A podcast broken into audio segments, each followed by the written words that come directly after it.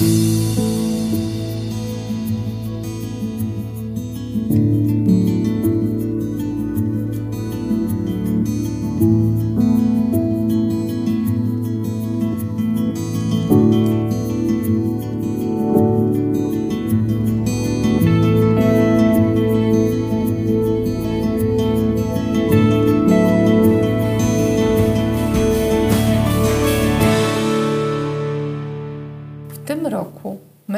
markety zaczęły atakować świątecznymi akcentami już pod koniec października. Muzyczne szlagiery, swetry z reniferem czy gnomy ubrane w złoto są dosłownie wszędzie. Święta Bożego Narodzenia to nie tylko prezenty, kolendy i spotkania rodzinne. To też jedzenie. Specjalne dania i smaki, często zarezerwowane na tę konkretną okoliczność. Każdy stół wygląda inaczej. U jednych jest kutia, u innych kluski z makiem kompot z suszonych owoców przeciwstawiony temu zmrożonych truskawek. Dania regionalne mieszają się z potrawami charakterystycznymi wyłącznie dla konkretnych rodzin. Bez względu na nasze upodobanie smakowe, to co jemy podczas Bożego Narodzenia ma dużo starszą tradycję niż chrześcijaństwo na terenach ziem polskich. Nasz współczesny świąteczny stół na wskroś jest przesycony symboliką słowiańską. Ale zacznijmy od początku. W Ewangeliach nie ma dokładnie podanej daty narodzin Jezusa. Jest wiele prób wytłumaczenia, dlaczego przypadła ona na koniec grudnia. Jedna z nich mówi o dostosowaniu daty do istniejących już świąt, które miała zastąpić. W kręgu kultury germańskiej w okresie przesilenia zimowego obchodzono Jul, Słowianie zaś celebrowali szczodre gody. Było to święto, które symbolizowało zwycięstwo światła nad ciemnością. Okresowi patronował Weles. Dość ciekawy Bóg, który miał niezmiernie szeroki i kompleksowy zakres działań. Był on opiekunem kupców, rzemieślników oraz bydła. Władał zaświatami i był też Bogiem bogactwa oraz magii. Dokładna data szczodrych godów różniła się w zależności od miejsca. Co nam zatem pozostało z czasów przodków? Od chociażby choinka, zwana wówczas podłaźniczką. Była to gałąź jodły, sosny lub świerku, którą wieszano pod sufitem. Ozdabiono ją orzechami oraz jabłkami. Pod koniec XVIII wieku wraz z modą przybyłą z Niemiec zamieniono rodzimą na współczesną choinkę. Najpierw przyjęła się ona w domach szlacheckich, później zawitała u mieszczan, by w końcu wyprzeć podłaźniczkę nawet na wsiach. Co do samego świętowania, szczodre gody miały charakter uroczysty i rodzinny, podobnie jak współczesne Boże Narodzenie. Jedną z dekoracji, jaka pojawiała się w domu, był diduch, pierwszy zrzęty snop zboża w danym roku. Symbolizował on urodzaj, odpędzał złe duchy, a także był sposobem uczczenia przodków. Przedchrześcijańskie pochodzenie ma również wkładanie siana pod obrus.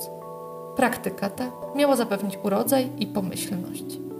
Wszelkie uroczystości wymagały też odpowiedniej oprawy kulinarnej. 12 potraw nawiązywało do 12 miesięcy w roku. Na stole nie mogło zabraknąć czegoś z wody, czegoś z lasu, czegoś z sadu oraz czegoś z pola. Mimo upływu wieków widzimy to na współczesnym stole. Są ryby, karp czy śledź, łóżka czy pierogi z grzybami, suszone jabłka, chleb czy kutia. Ta ostatnia potrawa w szczególności ma ogromne znaczenie w kulturze słowiańskiej. Obecnie raczej kojarzona jest ze wschodnią Polską. Całkiem sporo o specjale napisał Romuald Świeżbieński w swojej publikacji Wiara Słowian z obrzędów, klecht, pieśni ludu, guseł, kronik i mowy słowiańskiej wskrzeszona. Wyrazem wspólnoty było jedzenie pęczaku z miodem i makiem. Danie to określano mianem kuci. Nazwa miała się wywodzić od kucia, czyli obijania ziarna, tak by powstała kasza pęczak. Świeżbieński tłumaczy, że jęczmień odgrywał ogromną rolę na Słowiańszczyźnie, bo przecież robiono z niego pieczywo, w szczególności te obrzędowe, a także piwo. Do kuci dodawano miód, który symbolizował słodycz, oraz mak, który łączono ze spokojem i spoczynkiem, także tym wieczystym. Mak ponadto uosabiał też płodność i liczne potomstwo. Sama zaś kucia nie tylko uświetniała obchody szczodrych godów, zanoszono ją również na groby i stawiano wraz z piwem przy ciele zmarłego na stypie. Wracając do szczodrych godów, ludzie zgromadzeni na uroczysku Patrzyli, jak guślarki rzucają kłucią w niebo, by odczynić urok i uchronić ziemię przed nieurodzajem. To, co zostało, rozdzielały między ludzi, a ci wracali do domów i łączyli otrzymaną kucię z tą domową, po czym dzielili się nią z domownikami. Czyż praktyka ta nie przypomina dzielenia się opłatkiem? W niektórych regionach na wschodzie zachował się zwyczaj rzucania kutią. Najczęściej najstarszy domownik nabierał jej trochę na łyżkę, po czym podrzucał wysoko w górę. Jeżeli przykleiła się do sufitu, oznaczało to szczęście i powodzenie w nadchodzącym roku. Kucią trzeba się było także podzielić z każdym, kto nawiedzał dom w okresie szczodrych godów. Współcześnie w Polsce kutie przygotowuje się zazwyczaj z pszenicy. Tylko na Białorusi wykorzystuje się w przepisie częściej jęczmień. Dodaje się do niej miód, mak, a także suszone owoce oraz orzechy. W niektórych recepturach pojawia się również mleko czy śmietanka. Podczas szczodrych godów nie zapominano też o duchach domowych i przodkach. W tym czasie celebrowano również dziady, czyli obrządek ku czci zmarłych. Zwyczaj obchodzono co najmniej dwa razy do roku, wiosną i jesienią. W niektórych regionach zdarzało się to częściej. Szczodre gody, ze względu na rodzinny charakter, nie mogły obejść się bez wspomnienia tych, którzy żyli wcześniej. Współcześnie dziady kojarzymy przede wszystkim ze szkolną lekturą autorstwa Adama Mickiewicza. Jak celebrowali je nasi przodkowie? Wszystko zaczynało się od wiary w magię czasu przesilenia. Ludzie uważali, że zaciera się wtedy granica między światem żywych i zmarłych, a dusze przodków wracają do swoich rodzinnych domów. Ze względu na to rozpalano ogniska, aby wiedziały, gdzie wrócić. Ogień jednocześnie chronił przed nieproszonymi gośćmi z zaświatów.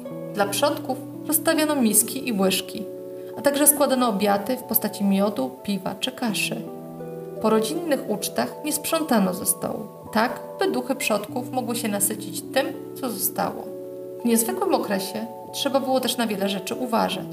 Nie wylewano wody przez okno, by nie zamoczyć dusz. Nie szyto czy nie tkano, by dusza nie wplątała się między nici i nie została w naszej rzeczywistości na stałe, a także nie podnoszono głosu, przodkowie się nie wystraszyli. Współcześnie, poza rodzimowiercami, nikt nie składa przodkom obiady. Zachował się jednak zwyczaj zostawiania pustego miejsca przy stole czy unikanie kłótni oraz sporów. W niektórych regionach także ludzie w okresie Bożego Narodzenia nawiedzają groby. Z okazji szczodrych godów ludzie obdarowywali się jabłkami i orzechami, a także piekli szczodraki. Jabłka w kulturze słowiańskiej były łącznikiem między światem żywych i zmarłych. Zapewniały dobre zdrowie oraz wykorzystywane były w magii miłosnej. Mimo upływu czasu, ciągle w kulturze ludowej owoc ten kojarzony jest z miłością oraz weselem. Stąd stanowi częsty motyw pieśni zaręczynowych i weselnych. Niejednokrotnie też piękno kobiet porównywano do delikatnego kwiatu jabłoni. Wśród bożonarodzeniowych zwyczajów jest i praktyka z południa Polski – po kolacji wigilijnej gospodarz dzielił jabłko na taką liczbę części, ilu było domowników. Jeżeli przeciął pestkę, oznaczało to, że nie wszyscy doczekają kolejnych świąt Bożego Narodzenia. Panowało także ogólne przekonanie, że jeśli dziewczyna przejdzie w wigilię jedząc jabłko obok chłopca, to szybko zostanie jego żoną. Orzechy również były powiązane z miłością, w szczególności z jej erotycznym aspektem. Symbolizowały także siły witalne oraz bogactwo. Ostatni ważny element szczodrych godów to szczodraki.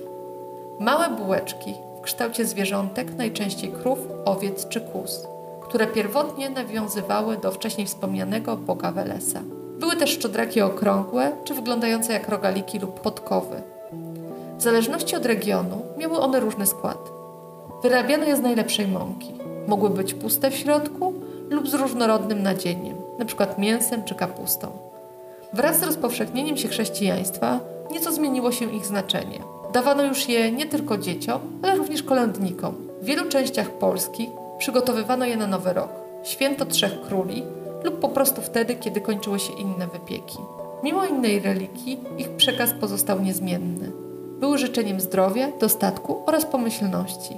Od 2011 roku na liście produktów tradycyjnych Ministerstwa Rolnictwa znajdują się kieleckie szczodroki, Wyrabia się je z mąki, cukru, śmietany, masła i drożdży. Mają one kształt rogalików i są posypane makiem lub cukrem. Jednym z dań związanych z wigilijnym stołem jest barszcz z buraków, który najczęściej przygotowywany jest na zakwasie. Esencjonalny, pachnący, o mocnym, intensywnym kolorze. On również jest spuścizną po naszych słowiańskich przodkach. Kiszenie było prostą metodą konserwowania żywności. Można było do tego bez problemu wykorzystać gliniane garnki. Słowianom znane było górki, marchew, czosnek i prawdopodobnie kapusta. Buraki trafiły do kuchni polskiej później, bo dopiero w okresie renesansu. Samo słowo barszcz zaś początkowo odnosiło się do polewki robionej z kiszonych liści rośliny o nazwie barszcz zwyczajny. Było to danie charakterystyczne dla kuchni ludzi ubogich. Współcześnie nazwę barszcz używa się mówiąc o różnych zupach powstałych na bazie kiszonych produktów, np. szczawiu, białych warzyw czy soku z kiszonej kapusty. Żeby nie było jednak tak prosto, są regiony w Polsce, gdzie barszcz świąteczny nie jest na zakwasie. W moim rodzinnym domu jest to wegetariańska, esencjonalna zupa na burakach ćwikłowych, doprawiona solą i pieprzem. Można dosypać również do niej szczyptę lubczyku, a także dodać trochę octu czy kwaśnej śmietany. Dodatkowe nakrycie na wigilijnym stole: choinka, szczodraki, suszone owoce, jabłka, kutia czy świąteczny barszcz to przykładowe elementy kultury dawnych Słowian, które przetrwały wieki. Kiedy pomyślimy o symbolice i wyobrażeniach, które są w nich ukryte, magia świąt przestaje być tylko pustym sloganem reklamowym. Jeśli macie ochotę zajrzeć do mojej kuchni i pokotować razem ze mną, to zapraszam na blog Kuchnia Kreacja. Migawki z podróży kulinarnych i nie tylko, dostępne są zaś na moim profilu na Instagramie.